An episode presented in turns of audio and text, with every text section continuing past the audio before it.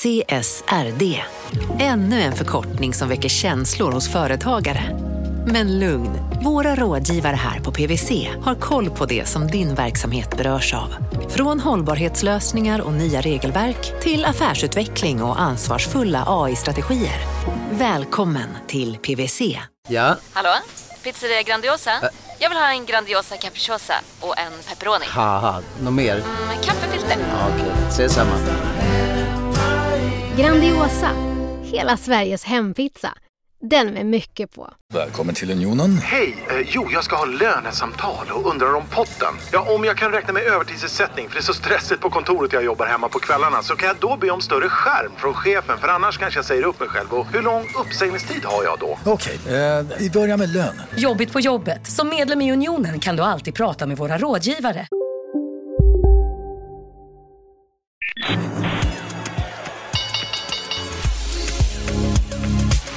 Det här är Affärsvärlden Magasin med Helene Rådstein. Jag säger hej och hjärtligt välkommen till podden Affärsvärlden Magasin. Jag heter Helene Rådstein och nu sitter jag här med investeraren och entreprenören Shervin Rassani. Vad kul att eh, du tog dig tid här i Almedalen och träffa mig. Eh, tack så mycket, kul att få prata med dig hoppas jag. Du, vad gör du här egentligen? Eh, lite allt möjligt, jag är med i några paneler för entreprenörer, eh, lite med startup-fokus och eh, sen har jag ställt upp och var med i Börs-TV och pratat om ekonomi och börsen generellt. Eh, och sen har jag ett hotell här så jag kollar att det funkar under Almedalen. Ja, eh, jag, var, jag råkade ju vara på, ditt hotell precis och du skulle precis tillbaka dit. Men eh, hur går det med det hotellet? Det har varit lite svårt att få upp lönsamhet där. Det är eh, otroligt svårt eh, såklart under pandemin att få det. Sen är det ju ännu svårare när det är säsongshotell som det är här på Gotland. Men eh, som alla entreprenörer säger, det är ju hoppet är ju den sista som eh, man, så att säga, som man håller fast vid och eh, mer eller mindre så kommer det där bli svarta siffror så småningom. Det vet du eller? Eh, absolut. Många förknippar dig med Draknästet på tv. Är det din andra, tredje säsong som du är med? eh, andra. Det är andra för hela det här gänget, eller hur? Med Jakob De Geer, Lena Apler och... Eh, Jonas Eriksson och Sara Wimmercrantz. Jag har intervjuat Jonas Eriksson här och eh, en stor skillnad vad det gäller Draknästet och det gäller investeringar det är att du känns lite mer kasino. Kan man säga så? Allt eller inget? Ja, det är väl så ja, som person. Ja, ibland så kan det vara att man överanalyserar siffror på den data någon har. Medan jag, jag kan eh, tycka att en, en människa eller en person eh, är viktigare än siffrorna där och då. För att vet, marknaden kan ändras och, och sådär. Det som är oftast avgörande det är ju execution som den personen sitter på eller kreativiteten att komma på något annat den kan överleva med. Um, så att uh, då vet jag att Jonas och några till tycker om att säga att jag är mer kasino. Men jag, jag är nog mer riskvillig än alla andra, det, det tror jag. Är du rikare också? Uh, det tror jag att jag inte är. Den som är mer riskvillig är ju oftast inte rikare än de andra. så att, men jag har roligare. Ja, på vilket sätt tror du? Nej, men jag, jag får kontakt med massa fler människor än, än att jag skulle vara konservativ i min investeringsfilosofi. Så det innebär ju då att per automatik så blir kontaktytan lite större i och med att man är lite villigare att säga ja. Sen är jag en optimist så att eh, det finns upp och nedsida med det. Nedsidan är såklart att det, jag failar ju mer än eh, lyckas i investeringarna. Vi ska återkomma till hur det är att faila i en investering tänkte jag alldeles strax. Innan vi går in på det så tänkte jag säga i min värld så är du framförallt känd för Jurek eftersom jag har bevakat juristbranschen så otroligt många år, kanske 15 år eller någonting. Mm. Så då liksom känner man till rekryteringsbolag där. Och det som jag tänker med Jurek, för det var framförallt jurister och ekonomer i början. Eller du började med att hyra ut dina studiekompisar tror jag. Jag tänker också när du säger att eh, det är viktigt med människor och sådär. Du har ändå jobbat otroligt mycket med människor med bemanning. Är ditt största verk överhuvudtaget, är det Jurek? Absolut, det är det. Det man ska tänka på att eh, ett bolag som Jurek eller konsultbolag generellt, eh, vi växer ju bara med människor. Vi kan ju inte växa med något annat. Vi kan ju bara växa med att vi har duktiga personer och vi adderar duktiga personer. Som jag vill till exempel göra en tillväxtprognos för nästa år. Så vet jag ungefär så här många fler behöver jag anställa för att nå mina mål. För att det finns en nivå på hur mycket en person kan fakturera. Ehm, och därav så stoltheten i att man kan få så många som möjligt att springa åt samma håll och det är också den största utmaningen. Ehm, men absolut, Jurek är så att säga ehm, det om man nu skulle se en syskonskara, både storebror, stora syster och eh, allt däremellan. Jag började ju säga att du började hyra ut dina studiekamrater. Kan du berätta hur hela bygget med Jurek började? Mm. Ehm, det var så här att jag hade under, när jag, jag pluggade ekonomi och sen så när jag hade eh, pluggat klart så under tiden hade jag startat ett bolag som var inom eh, fristående rådgivare inom, eh, framförallt inom pensioner. Den hade jag lyckats sälja precis innan jag tog examen, eller min andel i alla fall, och då började jag läsa juridik lång historia kort var att jag ville få in en fot. Eh, jag ville gärna bli managementkonsult och, eh, eller jobba Goldman Sachs vet jag att jag ville gärna in på och sökte det febrilt till deras Londonkontor. Eh, men jag ville också gärna bli då, komma in på Boston eller McKinsey. Och det tyckte jag var väldigt spännande. Och det, jag lyckades inte riktigt och jag gick via olika bemanningsföretag då som fanns för att bara, bara jag visste bara att jag kom in och få ett repajobb eller något liknande så kommer det vara, så kommer jag fixa det. Men det gick inte så väl för de bemanningsföretagen, eller de studentbemanningsföretagen satt inte på de jobben. Det var ju mer jobb ifall du ville dryga ut studentkassan på, med lagerjobb eller vad det nu var. Eh, så det var ingenting egentligen att ha mer på, som var värt på CVt och därav så startade jag Jurek som var min egen bakgrund för att eh, vår första slogan var eh, studierelaterad jobb du vill ha på CVt. Så på den vägen var det och då började jag få in lite, lite sådana uppdrag och, eh, och på det sättet så lyckades jag hyra ut så att säga, mina, mina vänner på, eller mina kurskamrater. Och Intrum var en viktig inkörsport mm. där som gjorde att allting lossnade, eller? Mm. Det var så här att jag hade skrivit min D-uppsats för Intrum och jag hade väldigt bra kontakt med eh, vice vd som tyckte att vi hade gjort en otroligt bra jobb. Och jag är faktiskt stolt över den saken för att jag och eh, min eh, klasskamrat som skrev D-uppsatsen den stora frågan var om Intrum skulle starta sin fakturaservice och, men inte tappa inkassostämpeln. Så hela vår stu, fallstudie var då att vad ska man kalla det för? Men de ville fortfarande att det skulle ha någon Intrum-koppling. Ehm, och eh, II Fakturaservice var, var vad vi landade i och det heter de än idag. Och det här är, nu behöver jag inte säga så långt, alltså, jo, men det, det är nästan en 18 år sedan. Är vice kvar? Nej, han har gått i pension. Eh, men han blev också bland mina första stora kunder. Och eh, detta då, eh, för då har Jurek det har vuxit jättemycket. Och vad omsätter det ungefär idag? Eh, Jurek, ungefär 400 miljoner kommer vi stänga 2022 på. Och hur går det? Det har ju varit väldigt sådär med rekryteringsläget, att det är väldigt... Eh, lönerna skjuter i höjden, inte minst inom juristbranschen vet jag, men säkert också inom eh, mm. ekonomi. Hur, hur går verksamheten? Alltså verksamheten går bra eh, så länge du kan parera det så att säga. Och parera det i alla branscher, det gör du om, om din kund vill betala för det. Eh, så du måste hela tiden vässa dig för att bli bättre. Det stora flaskhalsen har ju varit att det är inte tillräckligt många kandidater. Det är därför det är utbud och efterfrågan. Det är därför, svårare än så är inte egentligen liksom svaret. Och det, är en, det innebär att den som utbudet av kandidater är inte i förhållandevis för låg jämförelsevis med efterfrågan som finns. För att de har haft så otroligt mycket att göra. Otroligt mycket att göra och sen har startupbolagen tagit en hel del, både jurister och ekonomer och HR-personer och, så vidare, Office-personer Office generellt. Det som har drivit på lönerna har ju varit att när du de bolagen har ju haft ett otroligt stort tillväxtfokus och väldigt mycket som behöver göras i bolagen. Eh, sen har han fått en, in en hel del pengar och då kan det lätt konkurrera med att ah, men du får x kronor mer om du kommer hit. Och då är det klart att då slår man ut de traditionella bolagen som har jurist eller ekonomjobb som måste då också höja sina löner för att inte tappa attraktionskraft eller utvecklingsmöjligheter och så vidare. Eh, den kommer nog sätta sig eh, direkt efter sommaren. När blev du investerare? Eh, jag, vill, jag vet inte om jag, jag skulle se mig själv som investerare. Jag älskar bolag och jag älskar olika affärsidéer. Och det är klart att jag tycker det är häftigt att vara med på olika resor. Oavsett egentligen hur de skulle gå. Men det är klart att du måste göra fler, fler bättre resor för att ha råd med fler investeringar än, än annat. Ehm, så det är klart att eh, på det sättet så, eh, så definieras man per definition då som investerare. Ehm, men det, är, vad skulle jag säga, kanske sju, åtta år sedan. Och hur mycket pengar har du ungefär? Ja, det där blir en sån där fråga som man skulle ge så sjukt tråkigt svar på att jag vet inte, men det är klart att jag vet. Men det beror på hur mycket du menar är låst eller inte låst. Eh, men vi har, man kan säga så här, ackumulerat under mitt företagande så har jag ju nog säkert dragit in en 100 miljoner. Och eh, ute som du kan investera, för du investerar ju en del på börsen och sådär också ju, förutom i onoterat. Hur mycket har du där att röra dig med ungefär? Eh, jag har ungefär hälften i onoterat och hälften noterat. Eh, du säger att du har bränt det några gånger också som investerare. Mm. När har du bränt dig och hur tänkte du kring det? Alltså bränt dig rejält, vill jag höra.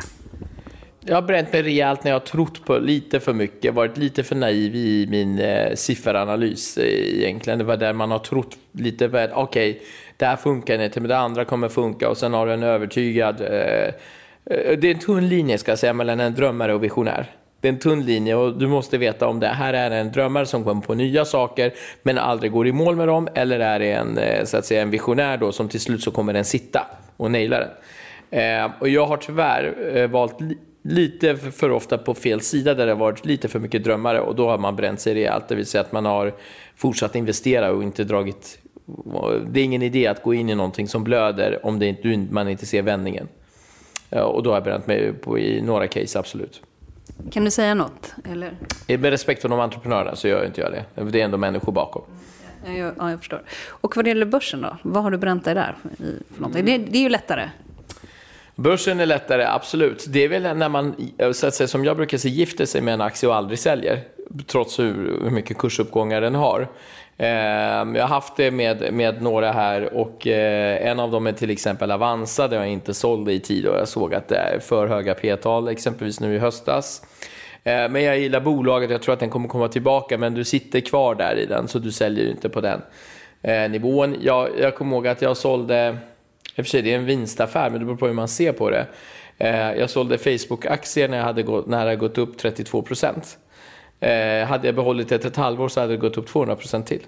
Så det beror på hur, eh, hur man ser så det. finns väldigt mycket sådana case. Och sen har jag dåliga case i, eh, under, både bra och dåliga case under pandemin där, eh, där man har gått in.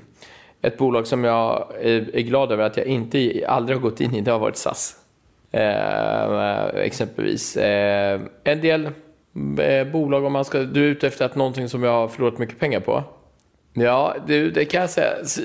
Jag skulle säga SBB, nu gick jag ur den, men jag gick in i, i för högt och jag kom ut i och för sig tidigare, nu under den här krisen. Sen är jag en person, H&M har jag haft alldeles för länge som inte har förvaltats väl.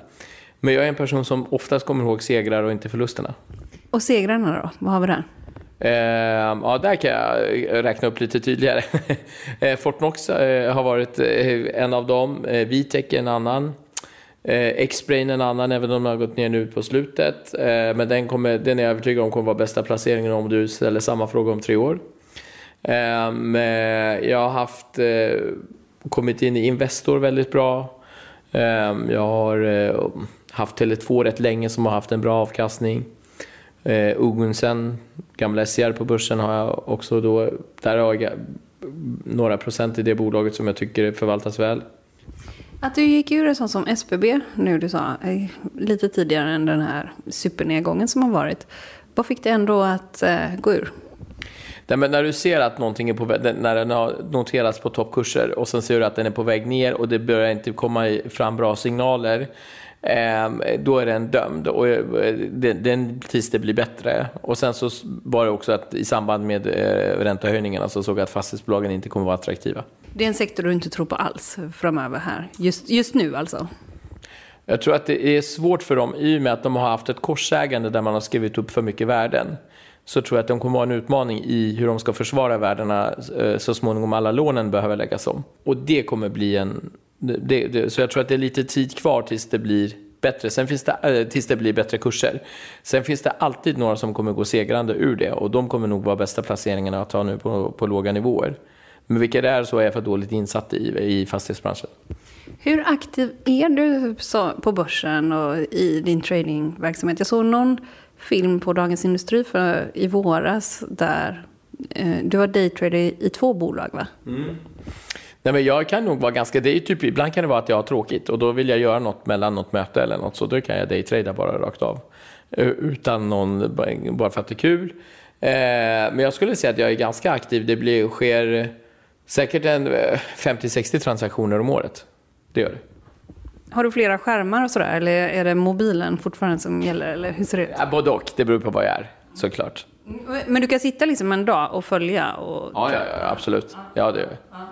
Eh, hemma eller på kontoret? Eller? Eh, oftast på kontoret, eh, annars är det mobilen, skulle jag säga. Om vi tar de onoterade eh, investeringarna som du har gjort. Mm. Vad, finns det, det kanske är svårt att säga, men finns det något som ligger lite extra varmt om hjärtat där? Du, du, vet, det där är en fråga som du säger, vilket av dina barn tycker du mest om? Och då är det svårt att svara på. Det vill du inte heller säga? Nej, men jag kan säga så här, det finns några som jag tror är, är riktiga impactbolag som kommer kunna be, bli riktigt bra om de sköts väl. Eh, en av dem är faktiskt ett raknästetbolag som heter Airbag Jeans. Eh, då, och det kommer förändra eh, det är då jeans då som skyddar motorcyklisten eh, midja och neråt.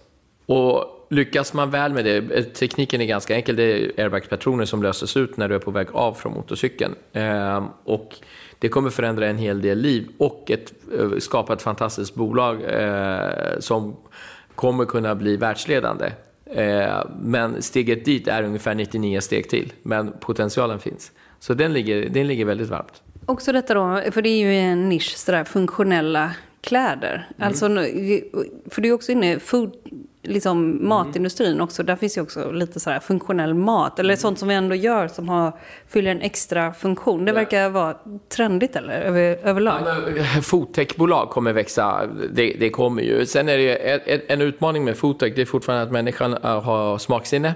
Och det är att många tänker att nu har vi adderat extremt mycket och gör klar sin produkt med eh, den är sockerfri, den är palmoljefri och, och, och etc. Men det finns ett stort men. Om den är äcklig på ren svenska så kommer ingen vilja äta den ändå, oavsett hur mycket bra ingredienser du har i den. Så första punkten i det, är att det ska vara ätbart eller drickbart. Sen kommer då, det sekundära är fortfarande då eh, i, i, i ett sånt bolag. Det är att okej, okay, om vi har första steget rätt, gör vi den nyttig, bra och hållbart så är det såklart, då har du nailat det. Och det är absolut, det är de som kommer vara vinnarna. Vad gäller tillväxt och värdebolag, det börjar bli lite tjatigt att prata om detta mm. kan jag känna. Man hör det hela tiden, men jag fortsätter. Du verkar ändå tro fortsatt på en rad tillväxtbolag när man hör dig prata och sådär. Och eh, vad är det du säger? Man tjänar mer, man tjänar, I slutändan tjänar man ändå mer pengar på dem. Jag, jag ser inte korrelationen med varför ett tillväxtbolag inte skulle vara lönsam. För om du växer och tjänar pengar så kommer du i slutändan tjäna mer än den som står still och tjänar pengar. Det är ju liksom en no-brainer för mig. Däremot så kan man säga så här att eh, eh, trenden kan ju, har ju bytts på ett halvår. För, eh, på ett, för ett halvår sedan så var det ingen som ville ha något defensivt bolag som satt och gav en X-avkastning. Nu är det alla ute efter dem. Det man skulle kunna säga i den är att bra bolag som växer med vinst tycker jag mer om än, än bra bolag som saknar så mycket tillväxt. Vad tittar du på då när du ska gå in och investera? Antingen på börsen eller onoterat. Vad har du för nyckeltal där du kollar extra noga? Mm. Jag, kollar, jag kollar på Pias väldigt mycket. Um, då, alltså hur mycket man omsätter i förhållande till värdet. Det vill säga att omsätter du 100 miljoner kronor så ska, är värdet på bolaget 100 miljoner eller icke. Så den krona för krona-principen som kommer man branschkorrelera den jämförelsevis mot branschkollegor. Det är väldigt enkelt i, i många branscher, det svårare i andra om det, beroende på vilken, vilken annan data som kan ligga. Eh, P-talet givetvis. Eh, I sådana här tider så är direktavkastning bra, men direktavkastning brukar jag säga det är historiskt och behöver inte gälla eh, för, eh, så att säga, för innevarande år. Eh, om inte ledningen har kommunicerat något annat. Eh, sådana här tider ska man också leta vilka kan vara nästa uppköpskandidat för att det kommer, det, konsolideringar sker alltid när det är väldigt lågt eller väldigt högt eh, aktivitet och nu kommer det vara en, en period där vi förmodligen nästa halvår kommer se en hel del uppköpsmöjligheter. Vi pratar lite om när man blivit bränd. Har du blivit riktigt lurad någon gång? Ja, ja, oh ja. det är klart jag har blivit det. Alltså där någon medvetet har lurat dig? Jajamän. Kan du berätta om det? Alltså det beror på, det är högt och lågt. Det kan ju vara både i... Det kan ha varit exempelvis en kund till Jurek har sagt att eh, vi har inte pengar just nu, skulle du kunna tänka dig att vi ändå betalar det senare? Eh, ändå och så liksom fortsatt hjälper oss med, med, med era tjänster och så har jag trott på den personen eller den, den då som har gjort det utan att, utan att ta in en säkerhet. Det tycker jag är, är tyvärr fel. Men ibland har man lite för stort hjärta och då vill man hjälpa till såklart. Och någon annan, finns det någon annan gång när du har blivit sådär, som gjort dig vansinnig eller något? Eller blir du vansinnig ifall någon lurar dig? Jo, men jag skulle nog kunna beteckna mig själv som ganska temperamentsfull. Så att det skulle jag ju ljuga här om jag skulle säga något annat. Ehm, men vansinnig behöver jag inte bli. Men jag kan bli sjukt irriterad på mig själv om jag har sett det komma, min magkänsla har varit där och sen har jag ändå inte agerat på det. Det kan få mig att bli eh, väldigt vansinnig på mig själv. Eh, Det skulle jag kunna säga. Men sen är det såklart, det finns väldigt mycket, som jag sa, jag kommer hellre ihåg segrar än förluster. Men det är klart att det finns eh, både alltså bolag som har lurats, lurats det vill säga att man undanhåller en viss form av sanning och som man tycker att, fast jag sa det eller jag glömde säga det, det tycker jag är bedrägligt också. Ehm, det här med att du är temperamentsfull, när eh, yttrar det sig? när jag kollar på fotboll. Men det kan vara också att vi, eh, så att säga, vi, vi kanske har vunnit 40 affärer, men vi förlorar 41 på lite nonchalans eller dålig återkoppling eller dålig pitch och så vidare, eller dålig offert. Det kan få mig att inte glömma. Alltså, det kan förstöra verkligen min eftermiddag eller min dag på att vi, varför lät jag det vara. Och den, den, den är lite grann, att jag känner att när jag inte har den, då ska inte jag leda bolaget längre. Det är viktigt för ett, för ett tillväxtbolag att ha, ha hunger, hunger uppifrån och ner. Men har du fått feedback från anställda och sådär? Bara, "Va, det här är lite för temperamentsfullt eh, för mig. Aha, nej. Alltså det är inte så att jag står och kastar glas på väggen eller något sånt där. Utan det är mer, mer, mer snarare att har du ätit? Har du lågt blodsocker? det kan vara lite sådana grejer. När du inte är på jobbet, eller jag tänker att du jobbar lite hela tiden. Eh, Ja, men när du inte är det, vad gör du annars? Jag har en fördom här. Och det är till exempel att du gillar bilar ungefär. Gör du det? Ja. Absolut. Jag, är- jag är från Husby och från orten så gillar du bil. Alla som är uppvuxna där älskar ju bilar. Jag, jag är inte uppvuxen, jag älskar också bilar. Ja, okej. Nej, men bilar har jag stor passion för och, ehm, eh, och, och allmän sport generellt. Eh, och bilar, vad har, vad har du för bilar själv? Jag tror du kan ställa om frågan. Du säger vilka bilar har du inte? Vilka bilar har du inte? Nej, Får jag gissa, du har ingen Citroën? men, nej, det har jag inte. Nej, det har inte. Du har ingen Skoda? Nej. Jag har mer italienska eller tyska bilar. Men eh, kör du på banor och sådär? Eh, det, det har inte blivit riktigt tillfälle, men jag har kört på banor, ja. Men hur många bilar har du då? Ehm, tre, fyra. Du vet inte, eller du delar någon? Precis. Jag frågade faktiskt Torsten Jansson som jag Ja. träffade. Och han var tvungen att tänka, han sa sju. Ja, Han har, exakt. ja, han har sju bilar. eh, någonting. Ja. Men vad gör du annars då, när du inte jobbar och sådär? Eh, såklart, jag är mycket med, eh, med familjen och barnens aktiviteter tar en hel del tid och jag gillar att vara engagerad i det. Så att eh, det, tar, det tar mycket tid. Eh, och nöje. Eh, Och vad är nöje för dig? Det att hänga med dem, se dem utvecklas. Jag älskar att se mina barn träna. Jag har en liksom förkärlek för det. Så att, eh, jag tycker det är jättekul när de eh, sportar och så vidare. Och du sa att du kunde bli väldigt arg på fotboll, eh, när du tittar på fotboll. Vilket lag hejar du på? Eh, jag är AIK. Går du, alltså står du med klacken och sådär? Eh, nej, det gör jag inte. Varför gör du inte det? Eller du skulle, ifall du inte var du, skulle du göra det då? Nej, men jag skulle kunna gå och ställa mig i klacken också, men oftast eh, liksom, eh, med andra, jag kan med kunder och så vidare och jag har ingen plats i klacken så därav så har jag inte stått där på länge.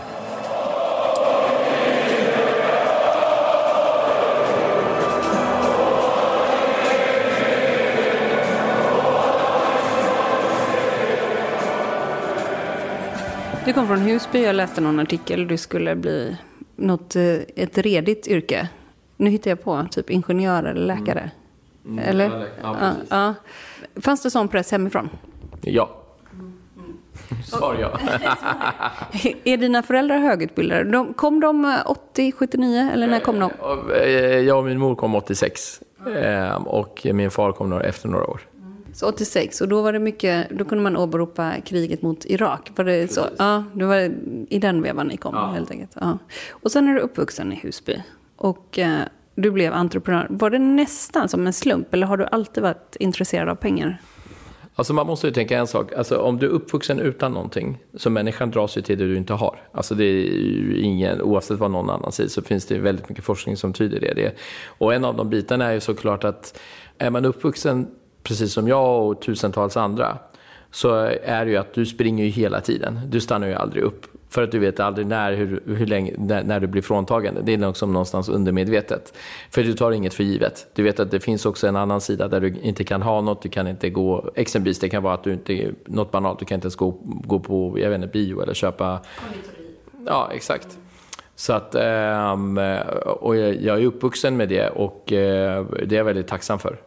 Um, för att um, det, det, är såklart jättetufft, men det är ingenting jag skulle vilja att mina barn upplever eller någon annan upplever såklart. Har du någon kompis som du växt upp med som också har blivit entreprenör? Eller hur ser ditt barndomsgäng mm. ut? Ja, eh, absolut. Många och jag är, oavsett vilken yrkesroll de har tagit så eh, är jag fortfarande kompis med, med väldigt många av dem jag har växt upp med sen lågstadiet i princip.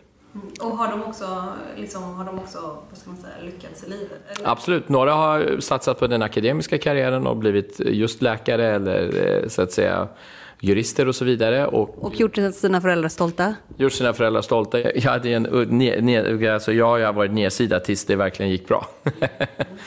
Eh, så att jag, jag hade jag haft svårt. Jag kommer ihåg, jag, skulle, jag läste ju naturtekniskt som alla typ iranier måste göra. Då i alla fall. Eh, då. Sen så, eh, jag kommer ihåg när jag, skulle, jag ville byta till samekonomisk. Och det, eh, det var i princip för mina föräldrar att jag skulle hoppa av skolan. Jo. Eh, så, att, så du förstår nivån på, på, på det du har. Så det vi, nu, vi, vad vi tänker, vi pressar våra barn eller så. Det, det var liksom ingen uttalad press, det var, den fanns bara där. Det var ju bara att leverera. Så då ska jag säga, då läste jag båda linjerna. Nej. Jo. Mitt intresse och föräldrarnas krav. Nej, gjorde du det? Jo, så jag har examen från båda. Vi är bara tre i Sverige som har examen i, i två linjer från gymnasiet. Men, men, men blev de nöjda då eller? Ja, de blev nöjda för att jag inte hoppade av. Men eh, kanske inte lika nöjda för att jag inte sen fortsatte på högskolan då med något, något eh, läkaryrke eller, eh, eller tekniskt yrke. Jag tänker bara på det du säger, att man ser en skräck. Liksom. Så jag vill inte hamna där, att vi aldrig har någonting. Mm. Och så jagar man ifrån det hela tiden då. Om jag fattar det rätt. Mm. Eh, när eh, fattar du ändå att ja, nu är jag rik, jag är en rik person. När fattar du det? Alltså, jag tror inte jag går runt och tänker att, och det är jag inte, jag, det är rätt mycket jag inte har råd med. Så jag ska inte säga att jag är rik i den bemärkelsen. Däremot så tror jag att när man inte går runt och tänker på vad någonting kostar i, i vardaglig konsumtion. Eh, då tror jag att man, man når en gräns då så att man inte tänker på det. Så skulle jag säga. Och vad är det du inte har råd med till exempel? Ja, det är ju rätt mycket. Men till exempel, det kan vara allt från eh, finare hus, det kan vara, jag vet inte, det finns alltså massa sånt som man kan addera som egentligen materialistiskt. Det skulle du kunna säga att det här har inte jag råd med. Men det är ingenting som du, det skiter du i. Alltså det, jag, det skulle jag, marginalnyttan minskar ju egentligen efter en viss nivå. Så det spelar ingen roll hur mycket pengar du har eller inte. Du får inte ett bättre liv, du blir inte hälsosammare. Det är inte så att du blir gladare eller, och så vidare. Så att det finns en nivå du når som pengar kan lösa. Sen kan inte det lösa dig. Det gör inte dig till en bättre människa för det.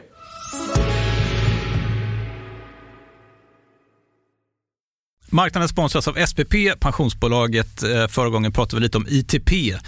Och som en kort repetition så, så var det ju 70-tal, arbetsmarknadens parter bestämde att alla tjänstemän ska ha en tjänstepension. Man kom överens om vilka villkor som ska gälla i den här pensionen och så kallade man den för ITP. Så jobbar man idag som tjänsteman i ett företag med kollektivavtal, då har man förmodligen den här pensionen, ITP-pensionen.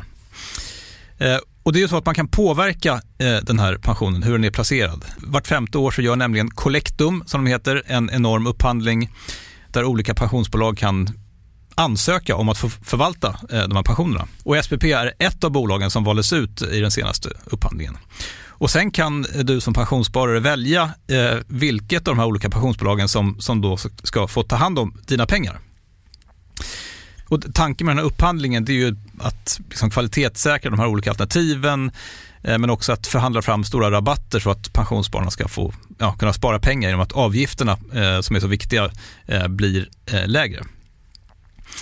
Och vill man välja någonting i ITP-systemet då finns det en relativt ny sajt som heter avtalat.se. Ehm, där kan man gå in och se hur sin ITP-pension är placerad. Jag gjorde det häromdagen faktiskt. Ehm, idén är att hälften av pengarna alltid ligger i något som kallas för traditionell försäkring. Det här gjorde vi ett avsnitt om i podden Kapitalet nyligen eh, som vi kallade världens bästa sparform. kan man lyssna på om man är intresserad. Eh, den andra halvan eh, den kan man också lägga i en traditionell försäkring eller så kan man placera det i något som kallas för fondförsäkring. Ehm, SPP som sagt eh, var ju ett av de fåtal bolagen som valdes ut i den senaste upphandlingen och de finns med som alternativ både med en traditionell försäkring och med eh, fonder. Så det var en liten bakgrund till ITP-systemet. Vill man läsa mer om det här eller typ kolla hur ITP-pensionen är placerad, eh, kanske göra förändringar, då går man in på avtalat.se. Eh, men tack säger jag till SPP som vill göra oss människor mer medvetna om hur enormt viktig pensionen är för oss som en framtida lön, men också som en positiv kraft i samhället eh, och förstås för att ni möjliggör eh, den här podden Marknaden. Vi har en väldigt skakig omvärld och vi har räntehöjningar, vi har inflation. Hur ser du på liksom det ekonomiska läget utifrån nu kallar du det inte för investerare, men om jag gör det då? Mm. Utifrån eh, en investerares perspektiv, hur, hur tänker du kring den ekonomiska utvecklingen som vi har till höst till exempel, eller just nu? Ja, jag tror så här, det kommer ju bli en, eh, om man tittar på räntan, Eh, så skulle jag säga att den är det, det viktigaste är att vi inte fastnar i inflationen. Inflationen är tuff att fastna i. Jag hoppas att man höjer räntan aggressivt ett par gånger till med 50-75 punkter. Sen tror jag att om man får, se, får ner inflationen på det Eh, så kommer man flacka ut det, vilket gör att det blir lättare att investera. För då vet man att det inte kommer, räntebanan är ändrad och inte på uppgående hela tiden. För just nu är det ungefär som att du har ett sår. Så sätter du lite plåster på den för att stoppa blödningen, men den blir inte riktigt stoppad. Den blir bara lite pausad, det, det rinner lite mindre. Så jag skulle gärna vilja se det, eh, att vi får det. Och det, det är där det kommer bli en bättre aktivitet i ekonomin. Sen får man inte glömma att vi har fortfarande otroligt bra orderingång och aktiviteten är väldigt bra på väldigt höga nivåer. Sen har det minskats från de högsta nivåerna. Eh, så Sverige går fortfarande väldigt bra. Eh, sen kommer omvärlden spela in såklart. Ukraina-krisen med, kommer göra det och även frakt och handelskriget mellan Kina och USA. Det, vi läser ju en i media tyvärr alldeles för lite för det, men det finns ju extremt dolt mellan de två länderna och, och det, det, det påverkar ju oss såklart med både Egentligen allt som går att den påverkar i så kommer vi bli påverkade i Sverige av. Eh, men det är ju de lägena du hittar de bästa bolagen. Det, det är just när, i, när investeringsaktiviteten är för låg. Du är ute och letar nu? Ja, absolut. Sen tror jag inte att bästa läget är att köpa just nu. Men det, det kommer finnas guldkorn att hitta, absolut. Okej, och eh, sen eh, till höst så får vi följa då dina investeringar. Och det kommer bli en hel del, eller ifall du håller samma linje som tidigare i Draknästet? Det var en ledande fråga som jag inte kan svara på, men jag kan säga att vi har haft sjukt kul att spela in den. Ja, ja. Jag var ju med en inspelningsdag. Det är intressant hur lite information ni faktiskt får innan någon kliver in. Mm. Verkligen. Det är ju mycket pengar som man ska ta och, och investera ganska fort ju. Mm. Jag, tycker, jag, jag tycker det är jättehäftigt därför att du får inte reda på någonting och så allt blir i princip live och så måste du fatta beslutet. Tycker jag om den här personen? Tycker jag om teamet? Tycker jag om idén? Tycker jag om branschen? Eh, och framförallt kommer jag kunna tjäna pengar på det. Kommer mina pengar bli mer om jag går in i det här eller inte? Det är, jag tycker det är fantastiskt setup och eh, precis som du sa, vi får inte reda på någonting och det gillar jag mer än att man skulle läsa sig på någon form av manus. Om jag träffar dig om tio år, vad hoppas du ha åstadkommit då? Eller fem kanske? Välj själv. Fem eller tio, vad pratar om? Nej, men fem hoppas jag att, eh, i alla fall att min koncern omsätter en miljard. Eh, att jag har nått tusen anställda. Jag har lite milstolpar för mig själv. Eh, och att vi eh, är mer internationellt etablerade än vad vi är idag. Och din koncern i det här fallet, det heter? Eh, det är mitt namn i princip, men det är då där Jurek ingår, vi har eventbolag i den, hotellet i den och så vidare. Razani Holding. Ja, just det. Razani. Okej, eh, och det heter Razani Holding. Och eh, hur ser omsättningen ut där? Vad ligger det idag då? På, ja. på, på vilka nivåer? Idag är, den, idag är den på en halv miljard. En halv miljard och anställda? Eh, 450. Så det är en dubbling? Mm. En dubblering? Det är en dubblering. Tack så mycket för att du var med i podden Affärsvärlden Magasin. Tack själv för att jag fick vara med. Hoppas du fick mycket material. Var mycket, mycket pengafokus på dina frågor. Ja. Men jag bryr mig inte, jag säger, men jag vet faktiskt inte hur mycket pengar jag har. Och jag fick ett tips en gång av Carolina Neurath, när en journalist frågar det, svara alltid istället för att ducka. Ja. aha. Ehm, för att annars så blir det liksom, antingen blir det, framstår det jättetöntigt, eller så blir det att man gräver mer.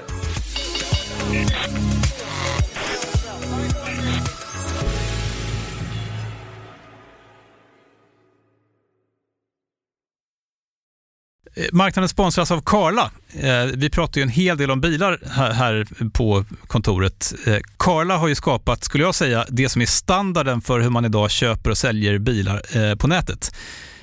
Kort bakgrund bara. Karla säljer och leasar begagnade elbilar och laddhybrider på karla.se. Alltså en helt digital upplevelse. Och man har gjort det här med ett nästan maniskt fokus på vad en bilköpare faktiskt behöver. Jag gjorde ju en intervju med en av grundarna, Patrik Illerstig, i marknaden här eh, ganska nyligen, eh, daterad 25 mars, om man vill lyssna på den. Eh, men där berättar han hur de kom in i det här lite från vänster för att försöka uppfinna hela den här liksom bilköpupplevelsen från början. Och de har idag, vilket är rätt otroligt, 4,8 i betyg eh, på Trustpilot. Jag, jag har sett många företagssidor på Trustpilot, men det här är nog bland eh, det bästa jag någonsin sett eh, faktiskt. Man kan sälja bilen till Karla också. Eh, då går man in på karla.se, delar lite info om bilen, sen får man en gratis värdering och ett bud. De hämtar bilen helt gratis i hela Sverige och så har man pengarna på kontot i samma stund som de hämtar bilen. Det är grymt. Eh, så ska du köpa en ny bil eller sälja din gamla, eller båda delar för den delen, gå in på karla.se och eh, kolla. Alltså karla.se och Karla stavas med C. Tack så mycket till Karla.